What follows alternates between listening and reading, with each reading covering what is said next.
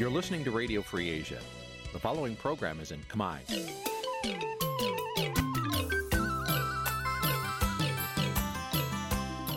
នេះជាកម្មវិធីផ្សាយ Vuthu Azizi Serai នេះជាកម្មវិធីផ្សាយរបស់ Vuthu Azizi Serai ជាភាសាខ្មែរ Vuthu Azizi Serai សូមស្វាគមន៍លោកអ្នកនាងទាំងអស់ពីរដ្ឋធានី Washington នៃសហរដ្ឋអាមេរិក បាទពីរដ្ឋធានី Washington ខ្ញុំបាទចិត្តចំណានសូមជម្រាបសួរលោកអ្នកនាងអ្នកស្ដាប់ Visual Assisray ទាំងអស់ជាទីមេត្រីជាងខ្ញុំសូមជូនការផ្សាយសម្រាប់ព្រឹកថ្ងៃច័ន្ទ14រោចខែស្រាបឆ្នាំឆ្លូវត្រីស័កពុទ្ធសករាជ2565ដែលត្រូវនៅថ្ងៃទី7ខែកញ្ញាគ្រិស្តសករាជ2021បាទជាដំបូងនេះសូមអញ្ជើញលោកអ្នកនាងស្ដាប់ព័ត៌មានប្រចាំថ្ងៃដែលមានមេត្តាដូចតទៅ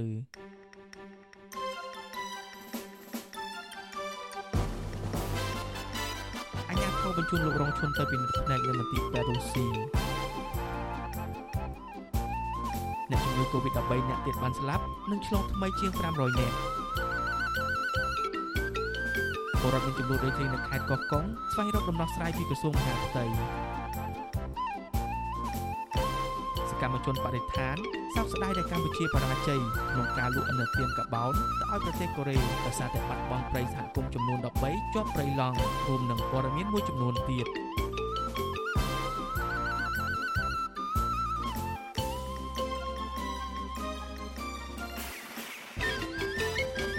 បាទជាបន្តទៅទៀតនេះខ្ញុំបាទជាចំណានសូមជូនព័ត៌មានទាំងនេះពឺស្ដា ប្រធានសមាគមគ្រូបង្រៀនកម្ពុជាឯករាជ្យអ្នកស្រីអុកឆាយាវីប្រាប់វិសុអាស៊ីសេរីថាលោករងឈុនបានទូរស័ព្ទប្រាប់មកលោកស្រីនៅថ្ងៃទី6ខែកញ្ញា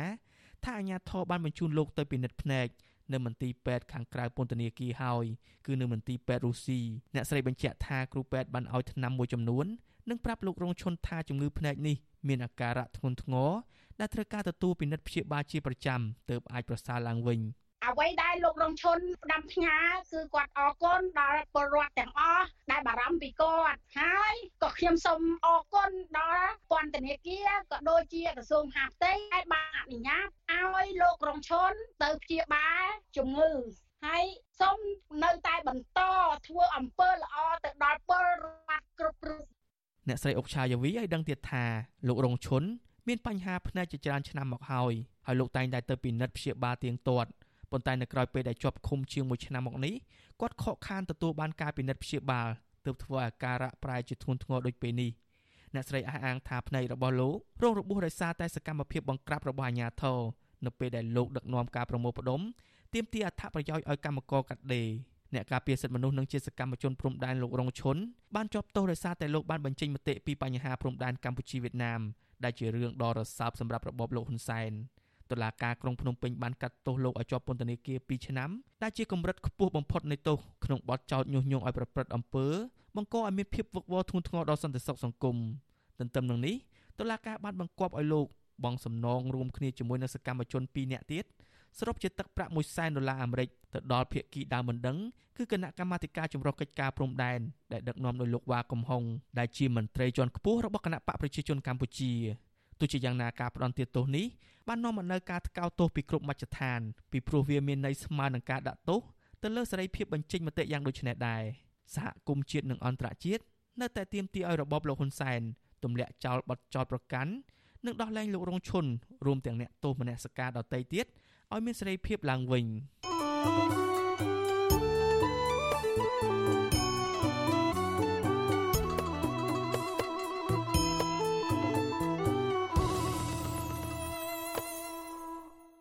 បាទតកតងនឹងផលប៉ះពាល់ដោយសារតែជំងឺ Covid-19 វិញម្ដងអ្នកជំងឺ Covid-19 ចំនួន13អ្នកទៀតបានស្លាប់ដែលធ្វើឲ្យករណីស្លាប់ដោយសារតែជំងឺនេះកើនឡើងដល់ជិត2000អ្នកហើយគិតត្រឹមថ្ងៃទី6ខែកញ្ញា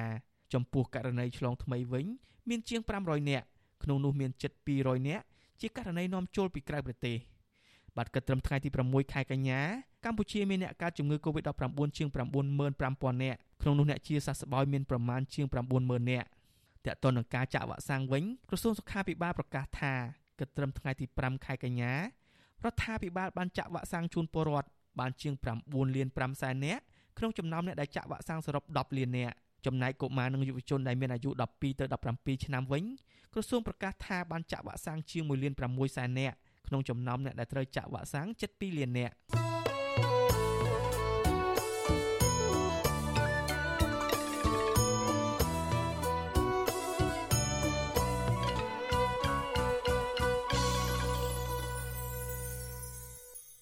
បាទលោកអ្នកនាងអ្នកស្ដាប់ជាទីមេត្រី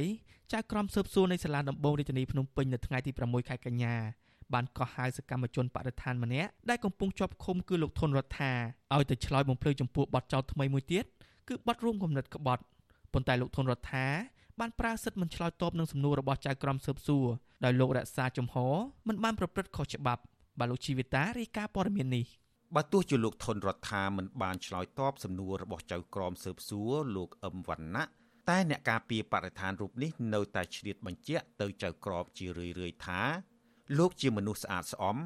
និងមិនបានប្រព្រឹត្តកំហុសដោយការចោទប្រកាន់នោះឡើយលោកធុនរដ្ឋាបានចេញមកជួបប្រពន្ធគឺលោកស្រីប៉ាត់រស្មីលោកបានប្រាប់ទៅប្រពន្ធនៅក្រៅបន្ទប់សាកសួរថាលោកមិនតក់ស្លុតចំពោះការចោទថ្មីបន្ថែមទៀតនេះទេដោយសារលោកជាមនុស្សស្អាតស្អំនិងមិនបានប្រព្រឹត្តកំហុសដោយការចោទប្រកាន់នោះឡើយ លោកធនរដ្ឋានៅតែមានសុខភាពនិងស្មារតីល្អតែលោកបានកោសក់ដើម្បីទាមទាររកយុត្តិធម៌លោកស្រីបរិយស្មីបន្ថែមថា លោកស្រីមានមោទនភាពចំពោះទង្វើនិងភាពមោះមុតរបស់ប្តីហើយទទូចឲ្យតុលាការដោះលែងលោកថនរដ្ឋាឲ្យមានសេរីភាពឡើងវិញ ជារឿងអយុត្តិធម៌មែនទែនសម្រាប់ដីខ្ញុំដោយបានសម្រាប់ការក្រមមកការហើយចំពោះបទខ្ញុំហើយឥឡូវមកចោទបកបទថ្មីរួមគំនិតបទនេះខ្ញុំពិតជាមានការជឿចាប់មែនទែនដោយប្តីខ្ញុំអត់បានប្រព្រឹត្តកំហុសអីក៏តែតឡាការបានចោទប្រកាន់បទថ្មីមួយទៀតទៅលើរូបគាត់ចំណែកសហមេធាវីការពារក្តីលោកថនរដ្ឋាគឺលោកសំសុគង្គឲ្យដឹងថាចៅក្រមបានសួរសំណួរជាន់គ្នានឹងអង្គហេតុចាស់ក្នុងសំណុំរឿងបទញុះញង់ឲ្យប្រព្រឹត្តបទឧក្រិដ្ឋជាអាត ដែលតុលាការបានកាត់ទោសកូនក្តីរបស់លោករួចហើយកាលពីខែឧសភាលោកមេធាវីបន្តថាលោកថនរដ្ឋាកូនក្តីរបស់លោក បានប្រាសិទ្ធមិនឆ្លើយតបសំណួរជាច្រើនឯក្រុមមេធាវីវិញក៏មានបំណងស្នើសុំចៅក្រមស៊ើបសួរឲ្យទម្លាក់បទចោទប្រកាន់ថ្មីនេះដែរលោកមេធាវីសំសុគង្គពន្យល់ថា តាមផ្លូវច្បាប់ គឺនៅក្នុងអង្គហេតុតែមួយចៅក្រមមិនអាចចោទប្រកាន់ក្នុងសំណុំរឿងពីរផ្សេងគ្នាបានទេ ការចោតប្រកាន់នឹងវាជាន់គ្នាទៅនឹងសំណុំរឿងរបស់ពួកគាត់ចាស់គឺសំណុំរឿងដែលចោតពីបទញុះញង់អញ្ចឹងហើយយើងខ្ញុំជាមេធាវីការពីយល់ឃើញថាការដែលយកអង្គហេតុតែមួយយកមកចោតនៅក្នុងសំណុំរឿងពីរបែបនេះគឺมันទាន់មានលក្ខណៈត្រឹមត្រូវទេដោយសារវាពាក់ព័ន្ធនឹងគោលការណ៍មួយហៅថាអញ្ញាអស់ជំនុំឬក៏អីជនជាប់ចោតមួយមិនត្រូវបានយកមកធ្វើការចោតប្រកាន់នៅក្នុងបទល្មើសតែមួយឬពីរដងនោះទេក្រោយការសាកសួរចប់ចៅក្រមស៊ើបសួរលោកអឹមវណ្ណៈ មិនទាន់សម្រេចយ៉ាងណានោះទេប៉ុន្តែលោកនឹងបន្តការសាកសួរលើសកម្មជនបរិស្ថាន ជាស្ត្រីចំនួន2នាក់ទៀតគឺកញ្ញាភួនកែវរស្មី នៅថ្ងៃទី7កញ្ញា និងកញ្ញាឡុងគុន្ធា នៅថ្ងៃទី8កញ្ញា ក្នុងសំណុំរឿងបទចោទថ្មី រួមគំនិតក្បត់ដូចគ្នាយុវជនបរិស្ថានទាំង3នាក់បានជាប់ក្នុងពន្ធនាគារជាង1ឆ្នាំហើយកាលពីខែឧសភាចៅក្រមសាលាដំបងលោកលីសុខា បានផ្ដន់ទាទោសឲ្យសកម្មជនបរិស្ថានទាំង3នាក់ជាប់ពន្ធនាគារ18ខែទៅ20ខែនិងពិន័យជាប្រាក់ពី2លានរៀលទៅ4លានរៀលក្នុងបទញុះញង់ឲ្យប្រព្រឹត្តបទឧក្រិដ្ឋជាអាតចៅក្រមក៏បានកាត់ទោសកំបាំងមុខសកម្មជន2នាក់ផ្សេងទៀតគឺស្ថាបនិកចលនាមេដាធម្មជាតិលោក Alex Gonzalez Davidson ជាជនជាតិអេស្ប៉ាញនិងយុវជនខ្មែរថាវរៈកញ្ញាជាគុនធីនឲ្យជាប់ពន្ធនាគារពី18ខែទៅ20ខែ ក្រោយមក នៅខែកក្កដា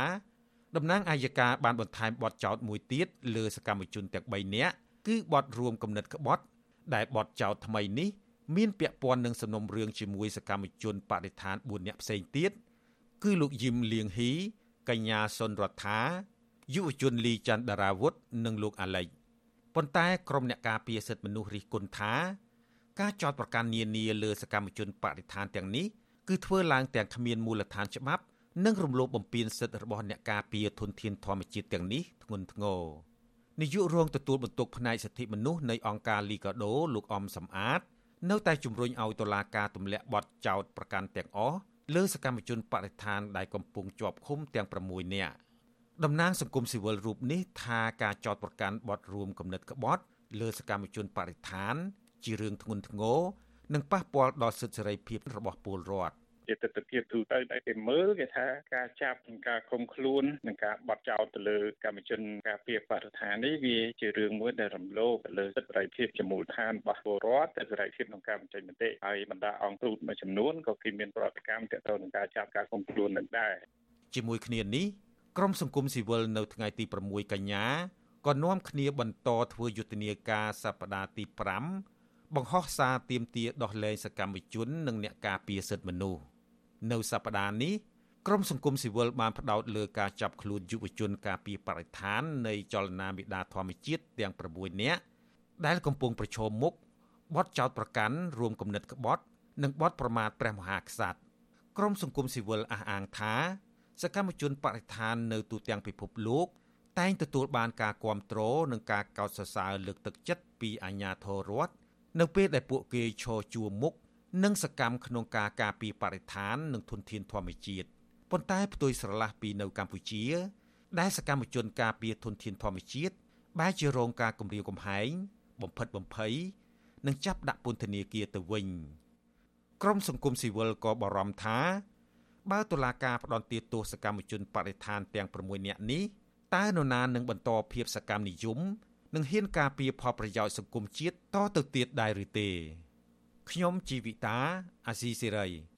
បាទលោកអ្នកនាងអ្នកស្ដាប់ជាទីមេត្រី ការគ្រប់គ្រងជនអន្តោប្រវេសន៍ជាបញ្ហាស្មុគស្មាញមួយដែលប្រទេសនានានៅលើសកលលោកកំពុងជួបប្រទះ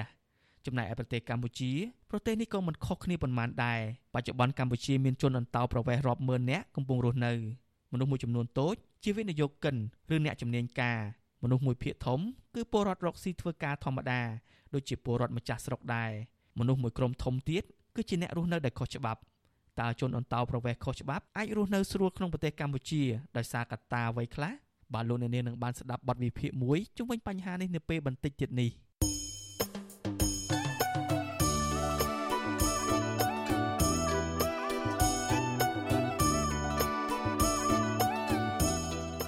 បានលោកអ្នកនាងជាទីមេត្រីក្រៅពីស្ដាប់និងទស្សនាការផ្សាយរបស់យើងខ្ញុំតាមបណ្ដាញសង្គម Facebook និង YouTube លោកអ្នកនាងក៏អាចស្ដាប់ការផ្សាយរបស់ Visual Asia តាមរយៈវិទ្យុរលកធាតុអាកាសខ្លីដែលមានកម្រិតនិងកម្ពស់ដូចតទៅនេះពេលព្រឹកចាប់ពីម៉ោង5កន្លះដល់ម៉ោង6កន្លះក្នុងកម្រិត9940 kHz ស្មើនឹងកម្ពស់ 30m ចំណែកឯពេលយប់ចាប់ពីម៉ោង7កន្លះដល់ម៉ោង8កន្លះវិញក្នុងកម្រិត9960 kHz ស្មើនឹង 30m ហើយនឹងមួយកម្រិតទៀតគឺ11240 kHz ស្មើនឹង 25m បាទសូមអរគុណ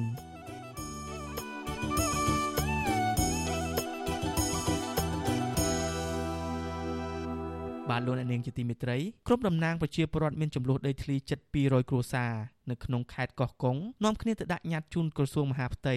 ស្នើសុំឲ្យចាត់វិធានការតាមផ្លូវច្បាប់ចំពោះមន្ត្រីនគរបាលផ្កាយ2ម្នាក់ករណីរំលោភយកដីប្រជាពលរដ្ឋដោយគ្មានផ្ដោតសំណងមន្ត្រីអង្គការសង្គមស៊ីវិលដែលធ្វើការផ្នែកសិទ្ធិមនុស្សនិងដីធ្លីស្នើសុំឲ្យក្រសួងពាក់ព័ន្ធ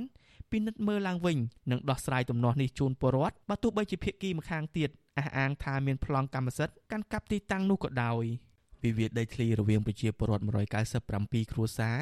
ជាមួយនឹងក្រុមហ៊ុនហេងហ៊ុយអភិវឌ្ឍនៅឃុំជីខលើស្រុកស្រែអំបិលខេត្តកោះកុងនៅតែបន្តអូសបន្លាយជាង14ឆ្នាំមកហើយប្រជាពលរដ្ឋដែលបាត់បង់ដីស្រែ នាំគ្នាដាក់ញត្តិជូនរដ្ឋមន្ត្រីក្រសួងមហាផ្ទៃលោកសខេងនៅថ្ងៃទី6ខែកញ្ញាស្នើសុំដំណោះស្រាយក្នុងវិវាទដីធ្លីជាមួយនឹងមន្ត្រីនគរបាលខេត្តកោះកុងម្នាក់គឺលោកហេងហ៊ុយព្រោះកន្លងមកអាជ្ញាធរខេត្តកោះកុងនិងក្រសួងដែនដីតែងតែបដិសេធសំណើពលរដ្ឋមិនដោះស្រាយរឿងនេះទេក្រោមហេតុផលថាខាងក្រុមហ៊ុនរបស់លោកហេងហ៊ុយមានប្លង់កម្មសិទ្ធិត្រឹមត្រូវតាមច្បាប់តំណាងពលរដ្ឋលោកស្រីដេតហួរឲ្យដឹងថាវិវាទដីធ្លីចាប់តាំងពីឆ្នាំ2007មកដល់បច្ចុប្បន្ននេះ គឺមានអ្នកភូមិធ្លាក់ខ្លួនក្រីក្រដែលត្រូវបង្ខំចិត្តចេញទៅធ្វើការនៅប្រទេសថៃហើយក្មេងៗក៏បាត់បង់ការសិក្សា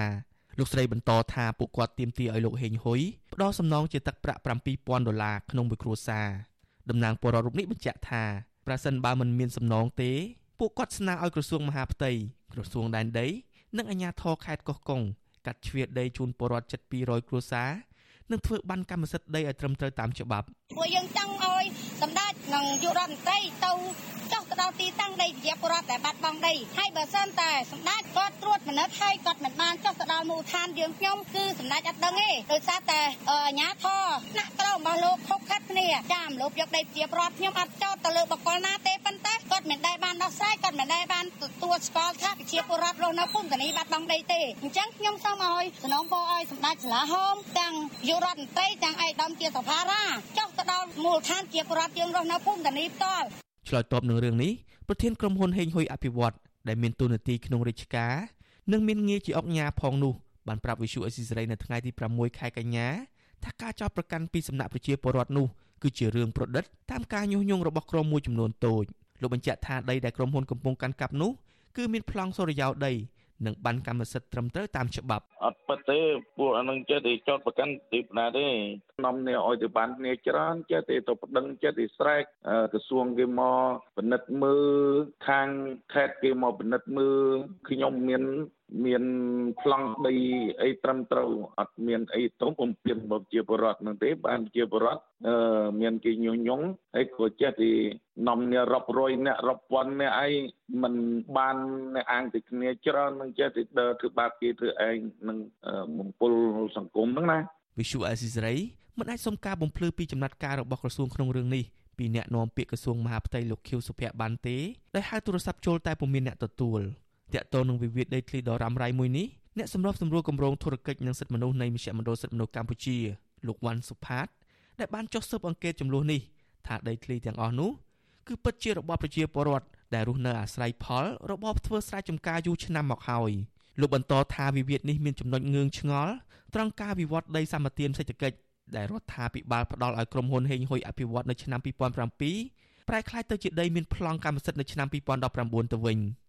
មន្ត្រីសង្គមស៊ីវិលរូបនេះស្នើសុំដល់ក្រសួងពាក់ព័ន្ធទាំងអស់គួរពិនិត្យលិខិតស្នាមកាន់កាប់ដីធ្លីរបស់ក្រុមហ៊ុនឡើងវិញប្រកបដោយតម្លាភាពនិងដោះស្រាយបញ្ចប់រឿងនេះជូនពលរដ្ឋ ដីហ្នឹងជាដីរបស់ពិតគាត់ពិតប្រកបមែនហើយបើមិនមិនអញ្ចឹងទេគាត់មិនទ្រាំវេទនាធ្វើការលំបាករហូតមកដល់បច្ចុប្បន្ននេះនិយាយទៅម្នាក់ម្នាក់អត់មានគិតរឿងអីមួយថ្ងៃមួយថ្ងៃហ្នឹងគិតតែពីរឿងដីធ្លីហ្នឹងមានបានរស់ស៊ីអីទេបាទបញ្ហាដែលបញ្ចប់ហ្នឹងបើសិនជាដីហ្នឹងមិនមានត្រូវការធ្វើអីទេទុកដីទំនេរអញ្ចឹងគួរតែផ្ដល់ដីហ្នឹងទៅឲ្យប្រជាពលរដ្ឋវិញហើយមិនអញ្ចឹងទេត្រូវផ្ដល់សំណងឲ្យគាត់តាមតម្លៃទីផ្សារណាដែលបច្ចុប្បន្ននេះព្រោះគាត់ ត្រូវការដីដើម្បីដែលរស់រៀនមានជីវិតដែរបើមិនអញ្ចឹងទេគាត់នៅតែបន្តការទៀមទារហូតអញ្ចឹងណាបាទកាលពីដើមខែកក្កដាឆ្នាំ2019ក្រសួងរៀបចំដែនដីអះអាងថាពលរដ្ឋ197គ្រួសារមិនមានជាប់ពាក់ព័ន្ធនឹងករណីវិវាទដីសម្បត្តិដំណាំអំពៅផលិតស្ករនាំចេញក្នុងភូមិសាស្ត្រខេត្តកោះកុងនោះទេក្រសួងបញ្ជាក់ថាមានពលរដ្ឋតែ987គ្រួសារ ដែលមានវិវាទដីធ្លីជាមួយនឹងក្រុមហ៊ុនស្ករអំពើនៅក្នុងខេត្តកោះកុងហើយថាពួកគេទទួលបានដំណោះស្រាយអស់ហើយក្រសួងរៀបចំដែនដីក៏ប្រមានចាត់វិធានការតាមផ្លូវច្បាប់ចំពោះក្រុមប្រជាពលរដ្ឋជិត200គ្រួសារប្រសិនបើមានការប្រមូលផ្ដុំតវ៉ារកដំណោះស្រាយនៅមុខក្រសួងជាថ្មីទៀតទន្ទឹមគ្នានេះរដ្ឋបាលខេត្តកោះកុង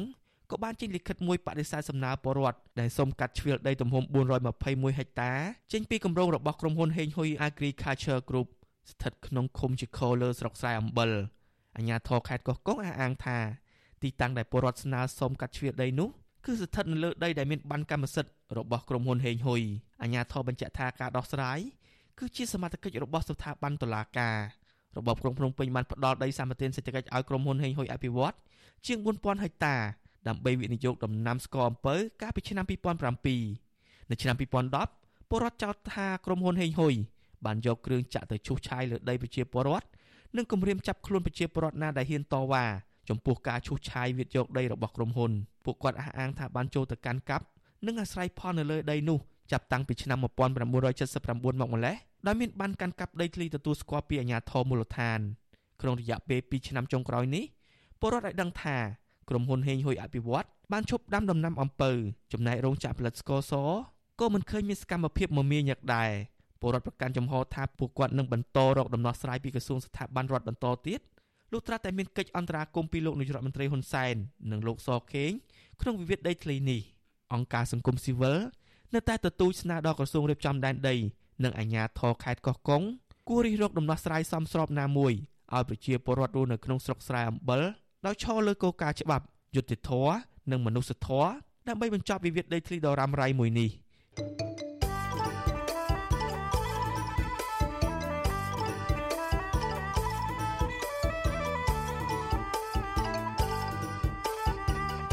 លោកអ្នកនាងជាទីមេត្រី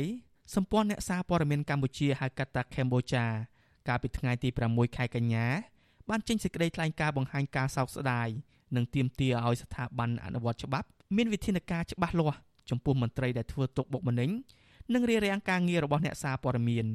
ការចេញសេចក្តីថ្លែងការណ៍បែបនេះគឺបន្ទាប់ពីអ្នកសារព័ត៌មានពីររូបបានរងនឹងការគំរាមកំហែងនិងបំផិតបំភ័យក្នុងពេលដែលពួកគាត់ ចុះទៅយកព័ត៌មានពីករណីចំនួនដីធ្លីនៅពលានយន្តហោះថ្មីក្នុងខេត្តកណ្ដាលកម្ពុជាបានរៀបរាប់នៅក្នុងសេចក្តីថ្លែងការណ៍ថាកាលពីម៉ោង3រសៀលនៅថ្ងៃទី4ខែកញ្ញាអ្នកហាត់ការសារព័ត៌មានសម្លេងប្រជាធិបតេយ្យ VOD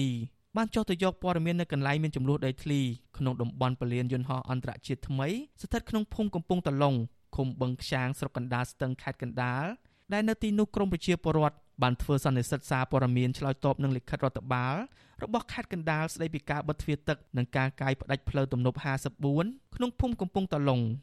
ពេលលោកប៉កឃើញទៅដល់ទីនោះស្រាប់តែមានអាជ្ញាធរស្លៀកពាក់ស៊ីវិលបានថតរូបលោកនិងម៉ូតូរបស់លោកប៉ុន្តែលោកនៅតែបន្តធ្វើការសម្ភាសពលរដ្ឋជាធម្មតាលុះដល់ម៉ោង5ល្ងាចលោកបានធ្វើដំណើរត្រឡប់មកផ្ទះវិញក៏មានមនុស្ស2នាក់ស្លៀកពាក់ស៊ីវិលជិះម៉ូតូមួយគ្រឿងស្លាកលេខរត់បើកដេញតាមលោកពីក្រោយរហូត ក្រៅពីមានអ្នកជិះម៉ូតូដេញតាមពីលោកនោះហើយក៏មានសមត្ថកិច្ចពាក់ឯកសណ្ឋាននគរបាលប្រហែល5នាក់ចេញមកស្ទាក់ម៉ូតូរបស់លោកនៅមុខផ្លូវទំនងជាចង់ចាប់រូបលោកបង្ខំឲ្យលុបវីដេអូនិងរូបភាពដែលលោកបានថតនឹងសម្ភារប្រជាពលរដ្ឋប៉ុន្តែលោកមិនព្រមឈប់បន្ទាប់មកលោកបានបន្ថែមល្បឿនម៉ូតូដើម្បីគេចប៉ុន្តែនៅតែមានម៉ូតូដេញតាមពីក្រោយលោកដោយស្រែកប្រាប់ឲ្យលោកឈប់និងបញ្ជាក់ថាពួកគេជាមន្ត្រីប៉ូលីសក្រោយជិះម៉ូតូដេញលោកប្រមាណ500ម៉ែត្រហើយលោកនៅតែមិនព្រមឈប់ ទើបមន្ត្រីប៉ូលីសទាំងពីរនាក់នោះឈប់ដេញតាមលោក លោកប៉កឃើយរៀបរាប់ប្រាប់កម្ពុជាថាស្ថិតក្នុងហេតុការណ៍នេះលោកពិតជាតក់ស្លុតនិងម្យ៉ាងគិតស្ដាយរូបភាពនិងព័ត៌មានដែលលោកខំសម្ភារត្រូវអាជ្ញាធរបង្ខំឲ្យលុបចោលហើយម្យ៉ាងទៀតខ្លាចពេលពួកគេចាប់បានវាធ្វើបាបដល់ហិង្សាលើរូបលោកលោកចាត់ទុកថាការដែលសមត្ថកិច្ចជិះម៉ូតូដេញតាមចាប់លោកនេះគឺជាសកម្មភាពបង្ហាញពីការធ្វើទុកបុកម្នេញចង់បំបាក់ស្មារតីនិងរារាំងការងាររបស់អ្នកសារព័ត៌មាន ជាមួយគ្នានេះអ្នកសារព័ត៌មានមួយរូបទៀតលោកលួសសេងដែលជាចាងវាងការផ្សាយទូរទស្សន៍អនឡាញ SLN ដែលបានចោះយកព័ត៌មាននៅទីនោះដែរអះអាងថាលោកបានទទួលដំណឹងពីប្រជាពលរដ្ឋថាសមត្ថកិច្ចក៏មានគម្រោងចាប់ខ្លួនលោកដែរដើម្បីកុំឲ្យផ្សាយព័ត៌មានពីការធ្វើសន្និសីទរបស់ប្រជាពលរដ្ឋក្រោយទទួលដំណឹងនេះលោកនឹងក្រុមការងារក៏បង្ខំចិត្តផ្អាកយកព័ត៌មានតែម្ដងនាយកប្រតិបត្តិសម្ព័ន្ធអ្នកសារព័ត៌មានកម្ពុជាលោកនុកវីថ្លែងថាទង្វើរបស់អាជ្ញាធរនេះ ធ្វើឲ្យប៉ះពាល់ធ្ងន់ធ្ងរដល់សេរីភាពរបស់អ្នកសារព័ត៌មានសេរីភាពបញ្ចេញមតិនៅកម្ពុជានិងប៉ះពាល់ធ្ងន់ធ្ងរដល់សិទ្ធិទទួលបានព័ត៌មានជាដើមចំនួនដីធ្លីនេះកើតឡើងយូរហើយរវាងប្រជាពលរដ្ឋជាមួយនឹងក្រុមហ៊ុនសាជីវកម្មវិនិយោគក្រៅប្រទេសកម្ពុជាហៅកាត់ថា OCIC របស់កញ្ញាពងខៀវសែដែលជាអ្នកជំនួញស្និទ្ធនឹងលោកនាយករដ្ឋមន្ត្រីហ៊ុនសែនចាប់តាំងពីខែមករាដល់ខែកញ្ញាឆ្នាំ2021នេះកម្ពុជាបានកត់ត្រាករណីបៀតបៀនមកលើអ្នកសារព័ត៌មានចំនួន38ករណី ក្នុងនោះមានអ្នកសារព័ត៌មាន56នាក់ភាគច្រើនជាករណីចាប់ឃុំខ្លួននិងការប្រើអំពើហិង្សាកម្ពុជាស្នើសុំឲ្យមន្ត្រីថ្នាក់លើនៃក្រសួងជំនាញរួមមានក្រសួងមហាផ្ទៃជាដើមណែនាំទៅដល់មន្ត្រីនៅមូលដ្ឋានរបស់ខ្លួនឲ្យយល់ដឹងពីទួលនីតិភារកិច្ចនិងសិទ្ធិរបស់អ្នកសារព័ត៌មាននិងបញ្ឈប់ការបៀតបៀនទាំងឡាយទៅលើអ្នកសារព័ត៌មាន កម្ពុជាក៏ជំរុញឲ្យក្រសួងមហាផ្ទៃស្រាវជ្រាវរកសមត្ថកិច្ចដែលបានរារាំងនិងបង្ករូបភាពគម្រាមកំហែងបំផិតបំភ័យអ្នកសារព័ត៌មានយកមកអប់រំណែនាំដើម្បីឲ្យពួកគេបញ្ឈប់សកម្មភាពខុសច្បាប់ទាំងនោះទៀត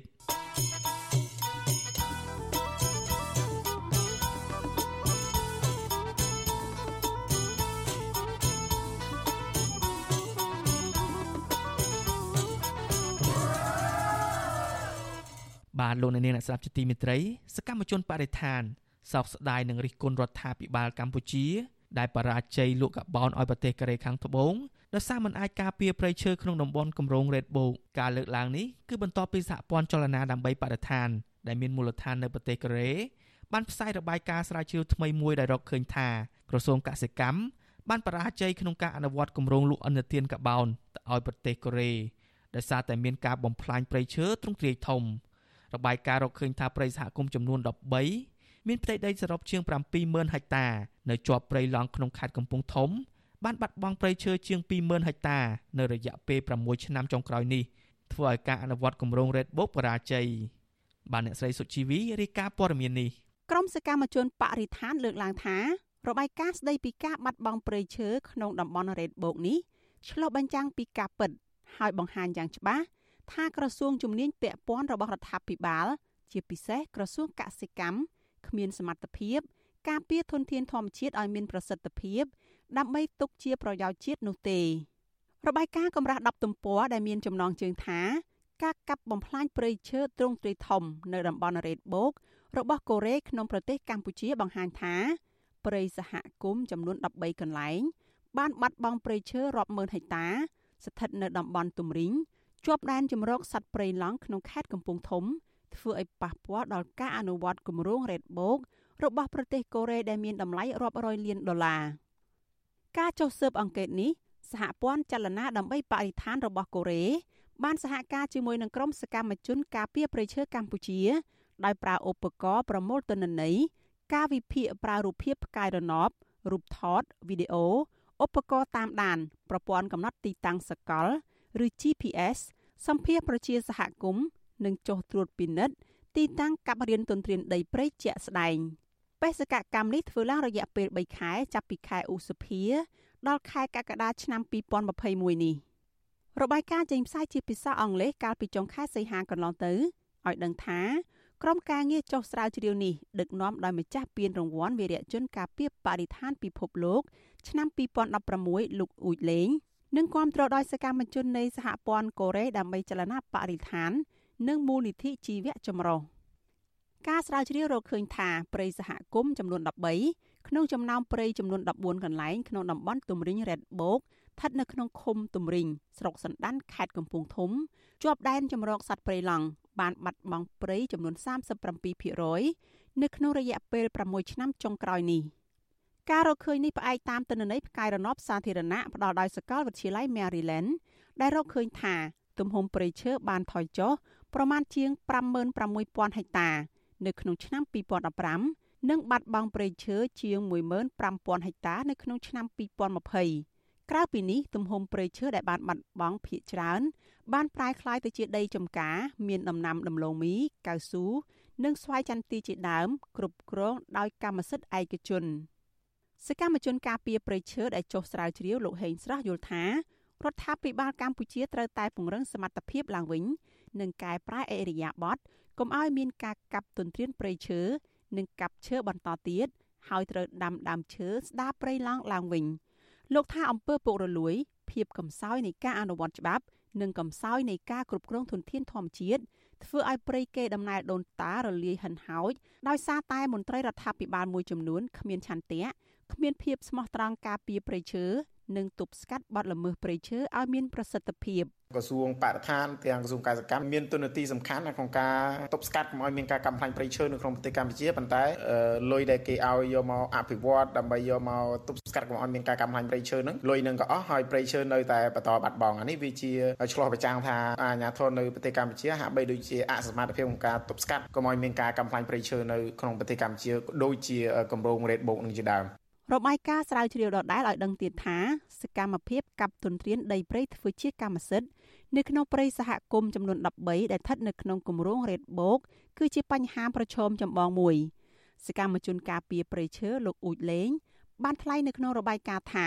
វាមិនមែនជាអាកំបាំងនោះទេករណីសត្វព្រៃកម្រជិតផុតពូជនៅកម្ពុជាត្រូវបានគេជួញដូរយ៉ាងសកម្មនៅលើទីផ្សារងងឹតនាពេលបច្ចុប្បន្ននេះ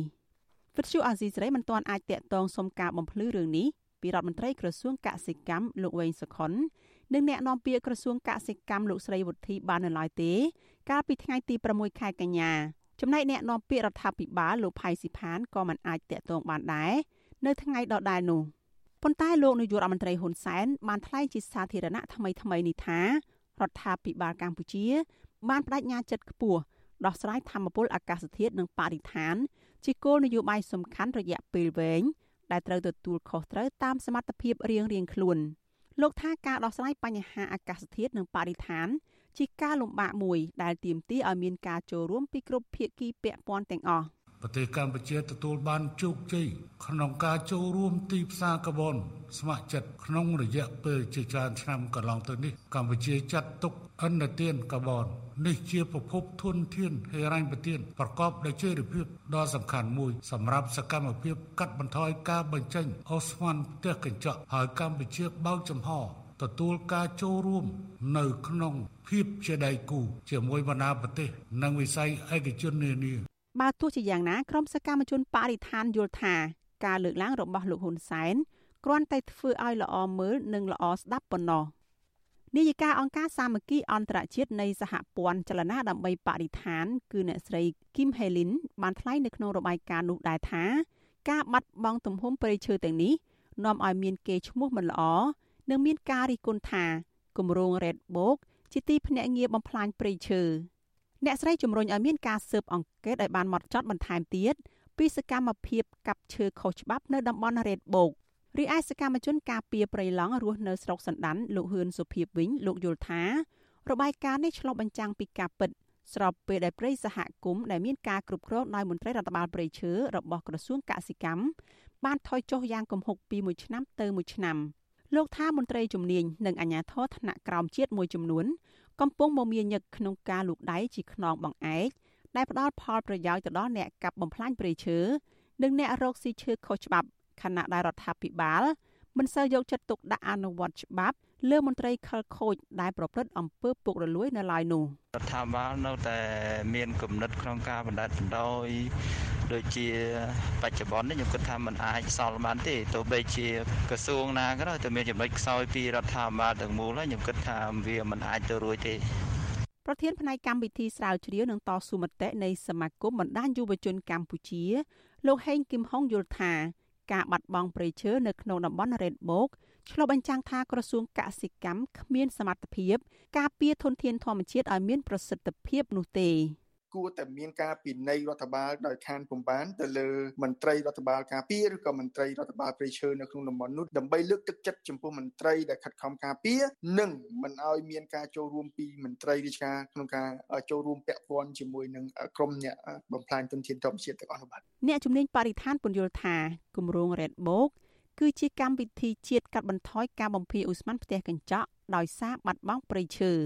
Red Book មានគោលបំណងការពារព្រៃឈើឲ្យគង់វង្សសម្រាប់ជាផលប្រយោជន៍ជាតិចូលរួមកាត់បន្ថយការប្រែប្រួលអាកាសធាតុសកល ក្នុងអនុសញ្ញាក្របខ័ណ្ឌសហប្រជាជាតិស្ដីពីការប្រែប្រួលអាកាសធាតុរបាយការណ៍ស្រាវជ្រាវដដែលឲ្យដឹងទៀតថាក្រមសកម្មជនបរិស្ថាន បានចុះវាស់វែងជាក់ស្ដែងនៅតំបន់នោះអះអាងថា ការខូចខាតព្រៃឈើនៅក្នុងតំបន់រ៉េតបូកនេះគឺមានរហូតដល់ទៅ45%នៃគម្របព្រៃឈើទាំងមូល គឺលើសពីអ្វីដែលបានរកឃើញតាមរយៈផ្កាយរណបទៅទៀត។ទន្ទឹមនឹងនេះអត្រានៃការកាប់បំផ្លាញព្រៃឈើនាពេលបច្ចុប្បន្នគឺនៅក្នុងឆ្នាំ2020មានការបាត់បង់ព្រៃឈើជិត9%នៅក្នុងតំបន់គម្រោងរ៉េតបូកហើយនៅឆមាសទី1នៅក្នុងឆ្នាំ2021ការបាត់បង់ព្រៃឈើបានឈានដល់ជិត10%នាងខ្ញុំសុជីវី Vithu Azizi Saray ពីរដ្ឋធានី Washington បាទលោកនាងជាទីមេត្រី អាញាធរបានដោះលែងចៅអធិការវត្តវង្គតបរិយសេរីភ្នំពេញព្រះអង្គបាងសូដាវិញក្រោយពីមានការចាប់ប្រកាយកាលពីថ្ងៃទី2ខែកញ្ញាអង្គការសមាគមខ្មែរក្រោមនៅតែបារម្ភពីសុខទុក្ខព្រះអង្គដោយសារតែពួកគេមិនទាន់ទទួលដំណឹងជាផ្លូវការណាមួយពីអាជ្ញាធរជំវិញការដោះលែងនៅឡើយទេមន្ត្រីសង្គមស៊ីវិលថាការចាប់ខ្លួនឬការឃុំខ្លួនដោយគ្មានភស្តុតាងហើយមិនបានបញ្ជាក់មូលហេតុត្រឹមត្រូវគឺជាការបំពានច្បាប់បាទលោកយុនសាមៀនរាយការណ៍ព័ត៌មាននេះ អញ្ញាធររកមិនឃើញទោះកំហុសប្រជាអធិការវត្តវង្គតបរិយសេរីភ្នំពេញព្រះអង្គប៉ាងសូដាដោយការចោទប្រកាន់ហើយបានឲ្យព្រះអង្គបួសឡើងវិញហើយ ប្រធានលេខាធិការដ្ឋានគណៈសង្ឃនយោបាយព្រះអង្គកឹមសន មានថេរដីកាថាក្រោយពេលដោះលែងព្រះអង្គប៉ាងសូដាបានស្នើសុំបួសឡើងវិញ កាលពីថ្ងៃទី4កញ្ញា ព្រះអង្គក៏បានប្រគេនស្បង់និងឲ្យព្រះអង្គបួសជាសង្ឃឡើងវិញឲ្យស្របតាមធម៌វិន័យព្រះពុទ្ធសាសនា បន្ទាប់មកនៅថ្ងៃដដែលព្រះអង្គប៉ាងសូដាបានថ្វាយបង្គំលាទៅគង់នៅវត្តជើងឯកវិញព្រះអង្គកឹមសនមិនបានបកស្រាយជុំវិញមូលហេតុដែលអាជ្ញាធរចាប់និងដោះលែងព្រះអង្គប៉ាងសូដានោះទេ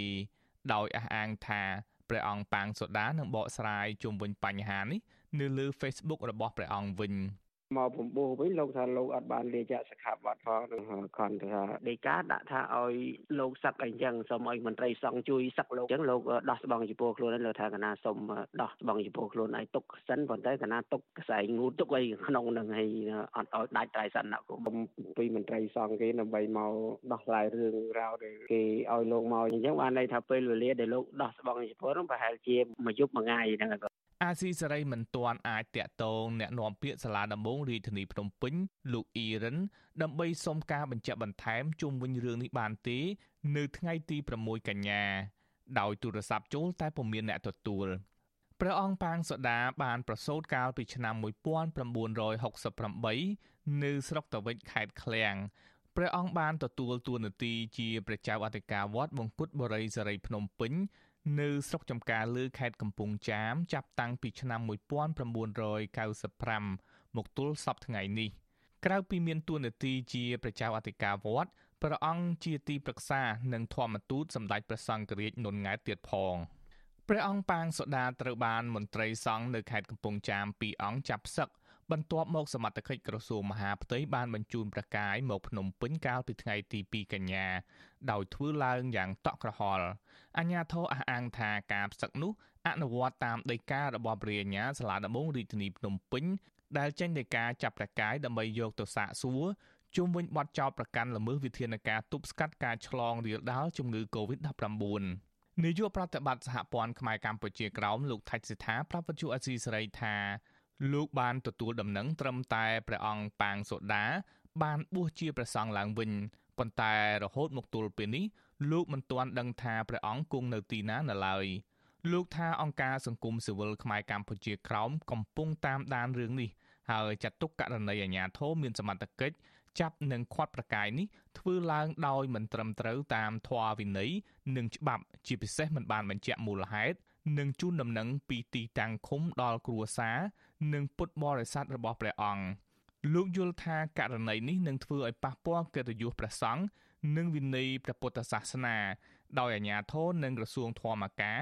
គួរបកស្រាយរឿងនេះឲ្យបានច្បាស់លាស់និងអនុញ្ញាតឲ្យព្រះអង្គត្រឡប់ទៅវត្តវិញ។ កម្ពុជាយើងគឺចាត់ទុកពុទ្ធសាសនាជាសាសនាបរោះហើយបើយើងបំពេញទៅលើសាសនាបែបហ្នឹងដែលយើងជាពុទ្ធបរិស័ទហ្នឹងគឺពិបាកទទួលណាព្រោះធ្វើទៅទាំងពុទ្ធចក្រអនាចក្រហ្នឹងมันគិតទៅតាមវិន័យឲ្យបានត្រឹមត្រូវដូច្នេះយើងវាមានការសោកស្ដាយពាក់ព័ន្ធទៅនឹងរឿងនេះដែរប្រធានសមាគមការពារសិទ្ធិមនុស្សអាត6លោកនីសុខាស្វាគមន៍កាលដែលអាញាធរដោះលែងព្រះអង្គប៉ាងសូដាឲ្យមានសេរីភាព និងបួសជាប្រសង់វិញ ប៉ុន្តែលោកសង្កេតឃើញថាអាញាធរមិនទាន់ប្រកាសអំពីរឿងនេះជាសាធារណៈនៅឡើយទេដែលធ្វើឲ្យសង្គមស៊ីវិលព្រួយបារម្ភនិងស្នើឲ្យអាជ្ញាធរពាក់ព័ន្ធបង្ហាញព័ត៌មានច្បាស់លាស់តាក់ទងទៅនឹងព្រះអង្គលោកបញ្ជាក់ថាបើអាជ្ញាធររកមិនឃើញទោសដោយការចោទប្រកាន់នឹងបណ្ដាលឲ្យប៉ះពាល់ដល់តម្លៃនិងសេចក្តីថ្លៃថ្នូររបស់ព្រះសង្ឃនិងសាសនា ហើយអ្នកដែលចាប់ព្រះកាយព្រះអង្គត្រូវទទួលខុសត្រូវ។ យើងបារម្ភណាស់ពីព្រោះថានៅក្នុងការចាប់ខ្លួនហើយហើយបើយើងរកបទល្មើសមិនឃើញវិញថាតើវាប៉ះពាល់ដល់តម្លៃនិងសេចក្តីថ្លៃថ្នូររបស់មនុស្សយ៉ាងម៉េចពីព្រោះនៅក្នុងរដ្ឋធម្មនុញ្ញការពារណាចំពោះតម្លៃនិងសេចក្តីថ្លៃថ្នូរហ្នឹងណាគេបានបញ្ជាក់ឲ្យថាការចាប់ខ្លួនការឃុំខ្លួនការឃាត់ខ្លួនត្រូវតែធ្វើឲ្យស្របទៅតាមបញ្ញត្តិច្បាប់ប៉ុន្តែដល់ពេលយើងកន្លងទៅការអនុវត្តវាមិនបានដើរឲ្យស្របទៅតាមបញ្ញត្តិច្បាប់វាធ្វើឲ្យមានបញ្ហាខាងកំហុសឆ្គងខាងនីតិវិធី ព្រះអង្គប៉ាងសូដាតែងជួយសកម្មភាពសង្គមដូចជាឧបត្ថម្ភថវិកាស្បៀងអាហារនិងសម្ភារៈដល់ពលរដ្ឋក្រីក្រនិងរងគ្រោះដោយសារជំងឺ Covid-19 លើពីនេះព្រះអង្គយកប្រតិយទុកដាក់លើពលរដ្ឋខ្មែរក្រោមតាមរយៈការធ្វើការងារជាមួយនឹងអង្គការសមាគមខ្មែរក្រោមនិងកម្មវិធីមនុស្សធម៌នានា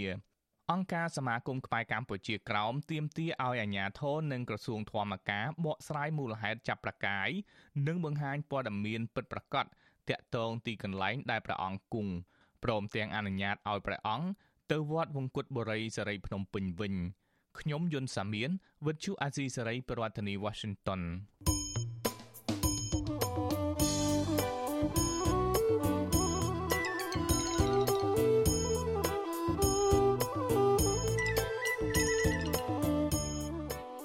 បាទលោកអ្នកនាងជាទីមេត្រីក្នុងឱកាសនេះដែរខ្ញុំបាទសូមថ្លែងអំណរគុណដល់លោកអ្នកនាងកញ្ញាទាំងអស់ ដែលតែងតែមានភក្ដីភាពចំពោះការផ្សាយរបស់យើងហើយចាត់ទុកការស្ដាប់របស់ Visual Assisary ជាផ្នែកមួយនៃសកម្មភាពប្រចាំថ្ងៃរបស់លោកអ្នកនាងការគ្រប់គ្រងរបស់លោកអ្នកនាងនេះហើយដែលធ្វើឲ្យយើងខ្ញុំមានទឹកចិត្តកាន់តែខ្លាំងថែមទៀតក្នុងការស្វែងរកនិងផ្តល់ព័ត៌មានជូនលោកអ្នកនាងមានអ្នកស្ដាប់អ្នកទស្សនាកាន់តែច្រើនកាន់តែធ្វើឲ្យយើងខ្ញុំមានភាពស្វាហាប់មោះមុតជាបន្តទៅទៀតយើងខ្ញុំសូមអរគុណទុកជាមុនហើយសូមអញ្ជើញលោកអ្នកនាងកញ្ញាទាំងអស់ចូលរួមជំរុញឲ្យសកម្មភាពផ្តល់ព័ត៌មានរបស់យើងនេះ កាន់តែជោគជ័យបន្ថែមទៀតលោកអ្នកនាងអាចជួយយើងខ្ញុំបានដោយគ្រាន់តែចុចចែករំលែកឬ share ការផ្សាយរបស់ Visual Assisray តាមបណ្ដាញសង្គម Facebook និង YouTube ទៅកាន់មិត្តភ័ក្តិដើម្បីឲ្យការផ្សាយរបស់យើងទៅដល់មនុស្សកាន់តែច្រើន បាទសូមអរគុណ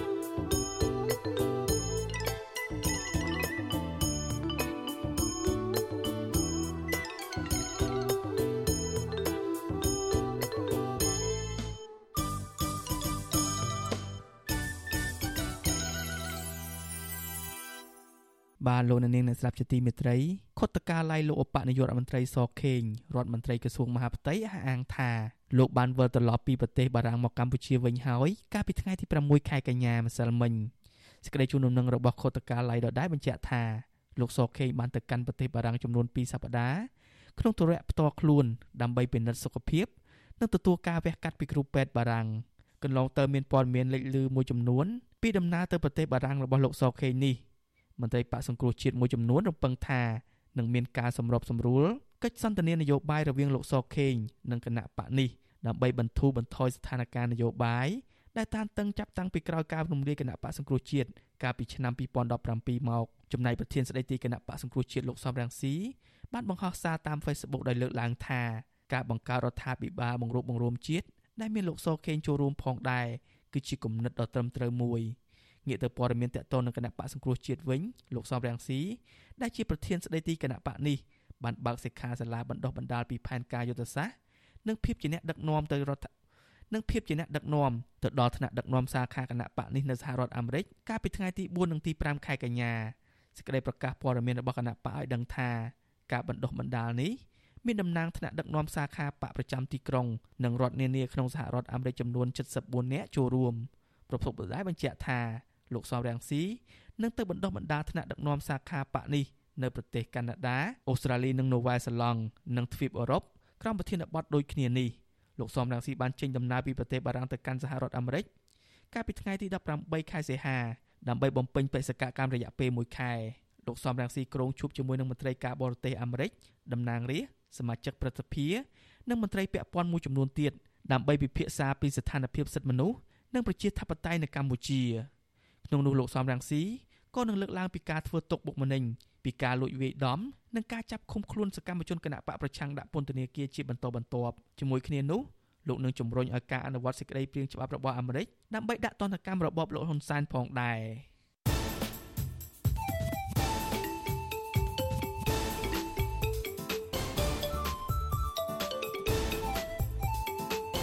បាត់វិភាគ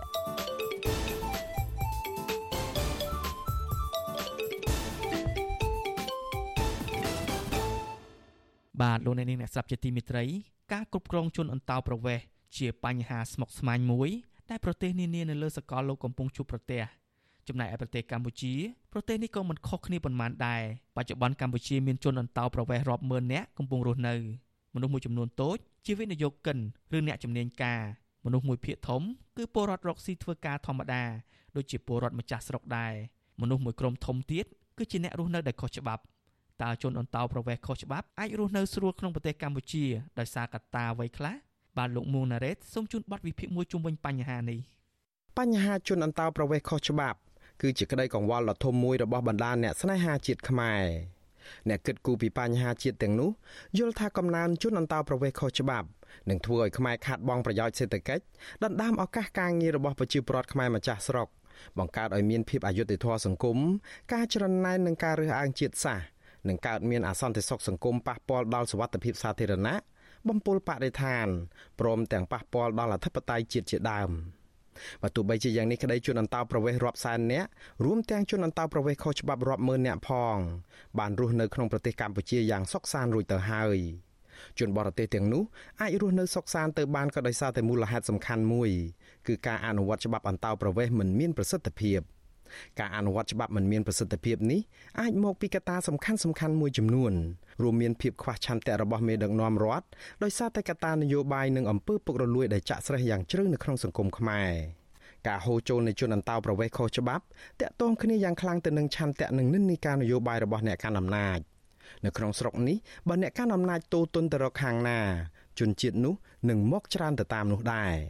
ក្រសួងមហាផ្ទៃឲ្យដឹងថាជនជាតិវៀតណាមមានចំនួនច្រើនជាងគេតាមពីក្រោយដោយជនជាតិចិននិងជនបរទេសចម្រុះជាតិសាសន៍ដទៃទៀត។បើទោះបីជាជនជាតិវៀតណាមរាប់ម៉ឺននាក់បាននាំគ្នារត់ចេញពីកម្ពុជាទៅវៀតណាមវិញកាលក្នុងសម័យសាធារណរដ្ឋខ្មែរឬក៏របបលន់នល់កាលពីឆ្នាំ1970ដែលកាលនោះគោលនយោបាយរបស់របបនោះមានភាពតឹងរ៉ឹងខ្លាំងប្រឆាំងនឹងវត្តមានជនជាតិវៀតណាមនៅលើដីខ្មែរពួកគេវិលត្រឡប់មកវិញចាប់ពីឆ្នាំ1979ក្រោយរបបខ្មែរក្រហមដួលរលំ ឯកសារប្រវត្តិសាស្ត្រជាច្រើន បង្ហាញថាកងទ័ពវៀតណាមជាង150,000នាក់កាលពីចុងឆ្នាំ1978បានវាយសម្រុកចូលឈ្លានពានទឹកដីកម្ពុជារហូតធ្វើឲ្យរបបខ្មែរក្រហមដួលរលំភ្លាមភ្លាមនៅក្នុងការឈ្លានពាននេះក៏មានការចូលរួមពីកម្មាភិបាលខ្មែរក្រហមដែលផ្ដាច់ខ្លួនបង្កើតរណសេរី2ធ្នូដោយមានវៀតណាមនៅពីក្រោយ មានដូចជាលោកប៉ែនសវណ្ណលោកជាស៊ីមលោកហេងសំរិននិងលោកហ៊ុនសែនជាដើម។ មន្ត្រីខ្មែរដែលបង្កើតរណសេរី2ធ្នូហៅការឈ្លានពានរបស់វៀតណាមនេះថាជាការរំដោះជាតិនិងប្រជាពលរដ្ឋឲ្យរួចផុតពីរបបពិឃាតខ្មែរក្រហមភ្លាមភ្លាមក្រោយការដួលរលំនៃរបបខ្មែរក្រហមនេះវៀតណាមបានលើកបន្ទប់មន្ត្រីខ្មែរទាំងនោះឲ្យដឹកនាំប្រទេសដើម្បីធ្វើជាកូនជើងរបស់ខ្លួនជាការដឹងគុណរបបក្រុងភ្នំពេញបានសង់ស្ទូបមិត្តភាពកម្ពុជាវៀតណាមជាង20នៅទូទាំងប្រទេសដោយការជំពាក់គុណវៀតណាមដែលបានជួយលើកបន្ទប់ខ្លួនឲ្យបានកាន់អំណាចនេះ។ មេដឹកនាំរបបក្រុងភ្នំពេញបានជួយសម្រួលសពបែបយ៉ាង ដើម្បីឲ្យជនអន្តោប្រវេសន៍វៀតណាម បន្តហូរចូលនិងរស់នៅយ៉ាងសុខសាន្តនៅក្នុងប្រទេសកម្ពុជាក៏ប៉ុន្តែនៅក្នុងចំណោមមេដឹកនាំទាំងនោះមានមេដឹកនាំខ្មែរម្នាក់ដែលជំទាស់នឹងវត្តមានរបស់ជនអន្តោប្រវេសន៍វៀតណាមរហូតនាំទុកដល់ខ្លួន។ កាលពីឆ្នាំ2007នៅក្នុងបទសម្ភាសជាមួយវិទ្យុអាស៊ីសេរីអតីតនាយករដ្ឋមន្ត្រីនៅក្នុងសម័យឆ្នាំ1979លោកប៉ែនសវណ្ណលើកឡើងថាជនអន្តោប្រវេសន៍វៀតណាមមករស់នៅក្នុងស្រុកខ្មែរក្រោយថ្ងៃ7មករាឆ្នាំ1979នោះបានបង្កជាផលប៉ះពាល់យ៉ាងធ្ងន់ធ្ងរដល់បូរណភាពទឹកដីនិងអធិបតេយ្យជាតិលោកថាលោកចង់បង្កើតក្រុមការងារមួយដើម្បីដោះស្រាយបញ្ហាអន្តោប្រវេសន៍នេះដែរក៏ប៉ុន្តែត្រូវបានការិយាល័យនយោបាយជំទាស់ អ្នកប្រឆាំងខ្ញុំសួចស្រាវបំផុតគឺលោកហ៊ុនសែននឹងឯងគេថាកុំបង្កើតអរិញគណៈកម្មការបដោះអាសន្នព្រំដែនជនតបប្រវេសនឹងអីធ្វើចឹងដោយតែយើងចង្អៀតចង្អល់ជាតិនិយមហួសហេតុពីពប្រជាជនវៀតណាមក៏មកតាំងលំនៅលើប្រទេសកម្ពុជាយើងគេក៏គ្មានអីគេមករស់នៅដូចជាប្រជាពលរដ្ឋខ្មែរសាមញ្ញចឹងហើយបើដូចបងលេខា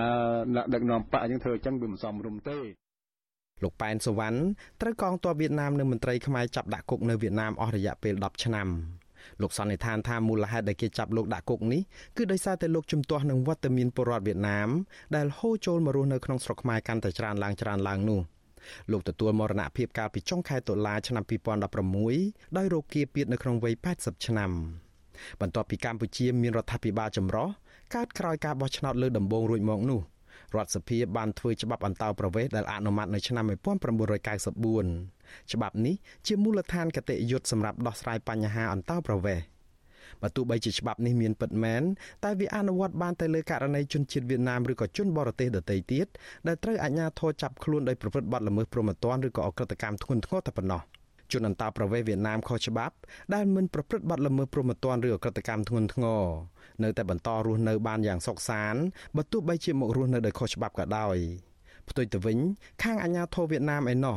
ពួកគេបានខាត់ខ្លួននឹងតែងតែបញ្ជូនប្រជាពលរដ្ឋខ្មែរមកវិញដូចជាអ្នកសុំទានខ្មែរនិងអ្នកលក់ឆ្នោតពេលដែលពួកគេចូលដីវៀតណាមដោយខុសច្បាប់នាយកដ្ឋានអន្តរប្រវេសន៍បានផ្សាយថាខ្លួនបានបណ្ដេញជនជាតិបរទេសចេញពីកម្ពុជា ចំនួនជាង15000នាក់នៅក្នុងរយៈពេល7ឆ្នាំចុងក្រោយនេះដែលភ្នាក់ច្រើនជាជនអន្តោប្រវេសន៍វៀតណាមខុសច្បាប់ក៏ប៉ុន្តែការបណ្ដេញចេញនេះគឺធ្វើឡើងដោយសារតែអ្នកទាំងនោះប្រព្រឹត្តបទល្មើសផ្សេងផ្សេងជាជាងបណ្ដេញចេញដោយការធ្វើអន្តោប្រវេសន៍ខុសច្បាប់ បើទោះបីជាមានការបណ្ដេញចេញជនបរទេសជាពិសេសជនជាតិវៀតណាមខ្លះក៏ដោយក៏ការហូរចូលនៃជនជាតិវៀតណាមមានច្រើនជាងហូរចេញសហគមន៍វៀតណាមនៅកម្ពុជាកាន់តែរីកធំទៅធំទៅបើទោះបីជាវៀតណាមដកកងទ័ពចេញពីកម្ពុជាកាលពីឆ្នាំ1989ក្រោយលុកលុយនឹងដាក់ទ័ពនៅកម្ពុជាអស់រយៈពេល10ឆ្នាំនោះក៏ដោយក៏រហូតមកដល់ពេលនេះសមាគមវៀតណាមបានពង្រីកសាខាស្ទើរគ្រប់ខេត្តក្រុង សមាគមវៀតណាមមានទូនីតិមើលការខុសត្រូវជួយអន្តរាគមន៍លើរាល់បញ្ហាដែលជនជាតិវៀតណាមជួបប្រទះ។ កាលពីខែមិថុនាកន្លងទៅក្នុងពេលដែលអាជ្ញាធរដេញជនជាតិវៀតណាមដែលរស់នៅខុសច្បាប់ចេញពីផ្ទៃទន្លេនៅក្នុងរាជធានីភ្នំពេញប្រធានសមាគមវៀតណាមបានចេញលិខិតមួយមិនមែនជួយអន្តរាគមន៍ដើម្បីសម្រួលឲ្យជនជាតិវៀតណាមទាំងនោះបានវិលទៅប្រទេសវៀតណាមវិញនោះទេក៏ប៉ុន្តែបែរជាហាមឃាត់នឹងរមលធ្យោបាយរារាំងមិនឲ្យជនជាតិវៀតណាមទាំងនោះត្រឡប់ទៅស្រុកវិញឡើយដោយឲ្យបន្តរស់នៅប្រទេសកម្ពុជាតទៅទៀតជាងនេះទៅទៀតដើម្បីទប់កុំឲ្យជនជាតិខ្លួនវិលទៅស្រុកខ្លួនវិញបាន អាញាធរវៀតណាមបញ្ជូននាវានិងសាឡង់ជាច្រើនគ្រឿងបិទទន្លេត្រង់ព្រំដែនមិនឲ្យប្រជាពលរដ្ឋទាំងនោះចូលទឹកដីវៀតណាមបានភាគីអន្តោប្រវេសន៍កម្ពុជាវិញបានត្រឹមតែជួបទូតវៀតណាមនៅភ្នំពេញចរចាពិភាក្សាគ្នាតែគ្មានបានលទ្ធផលអ្វីទាំងអស់ជនជាតិវៀតណាមដែលនៅលើទឹកស្រាប់ទាំងនោះបានមករស់នៅលើគោកយ៉ាងក្រហើហើ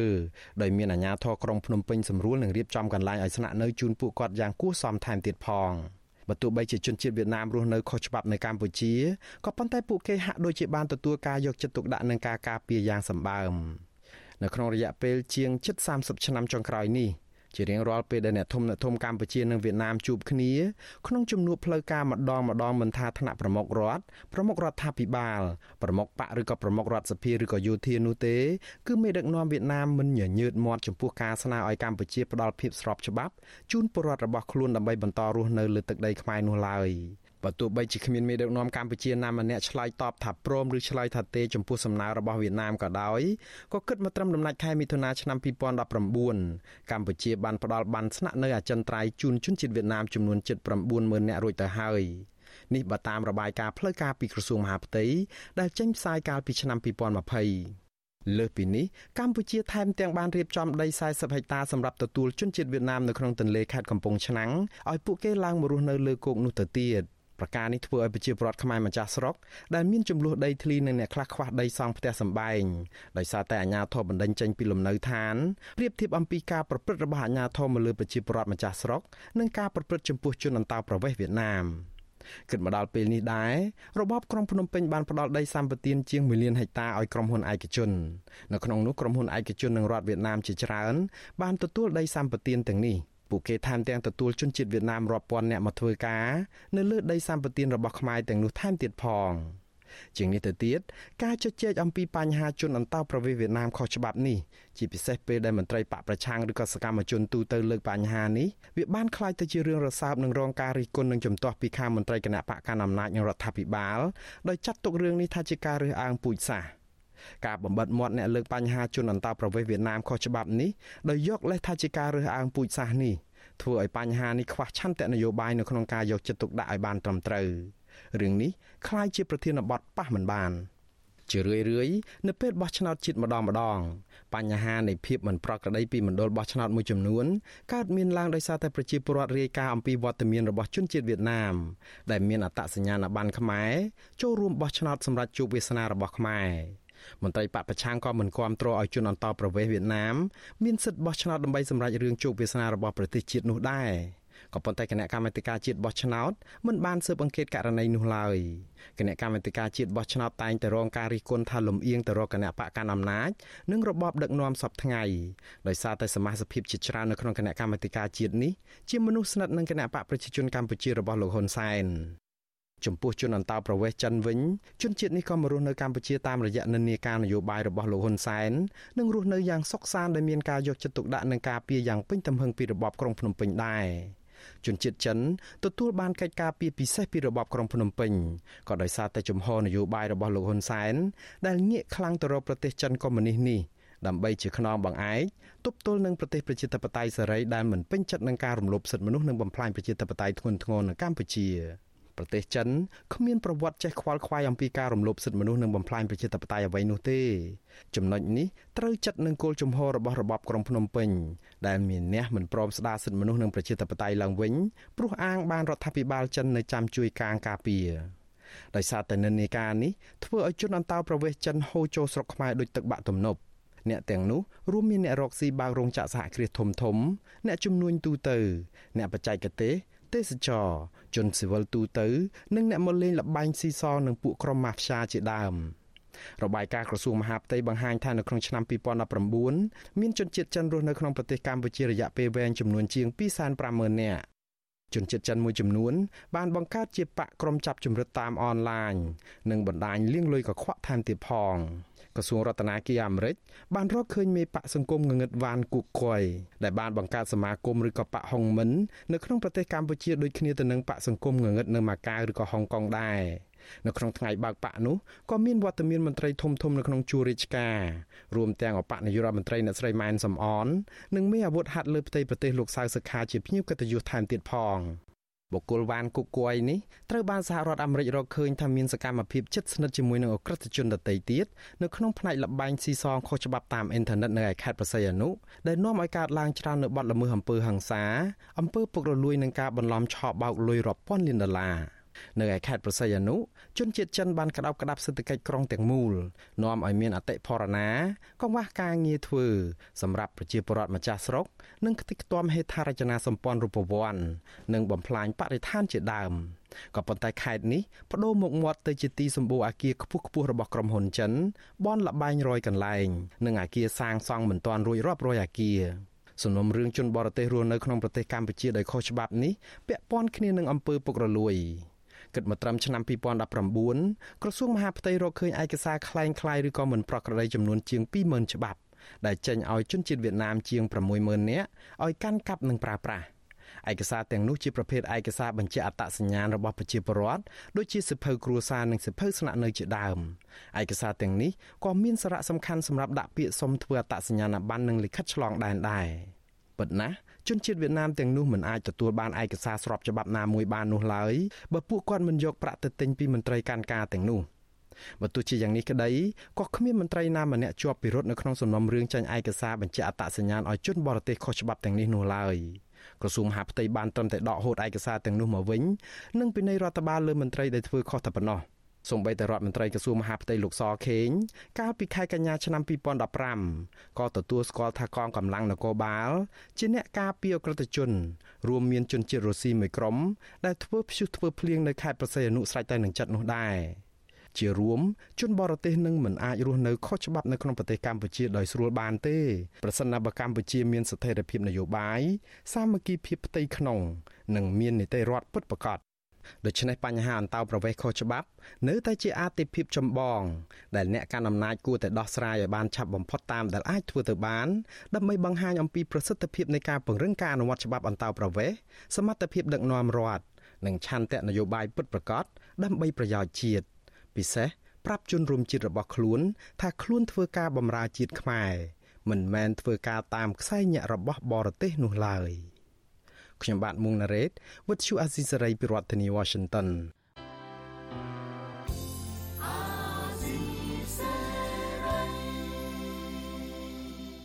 បាទលោកនាងជាទីមេត្រីការផ្សាយរយៈពេល1ម៉ោងនៃ Visual Assisary ជាភាសាខ្មែរនៅពេលនេះចាប់តែប៉ុណ្ណេះ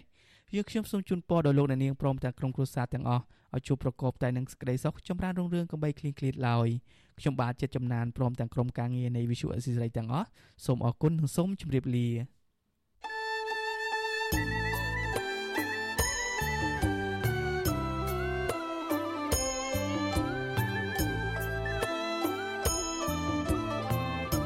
វិទ្យុអាស៊ីសេរីផ្សាយតាមរលក ធាតុអាកាសខ្លីឬ short wave តាមកម្រិតនិងកម្ពស់ដូចតទៅនេះ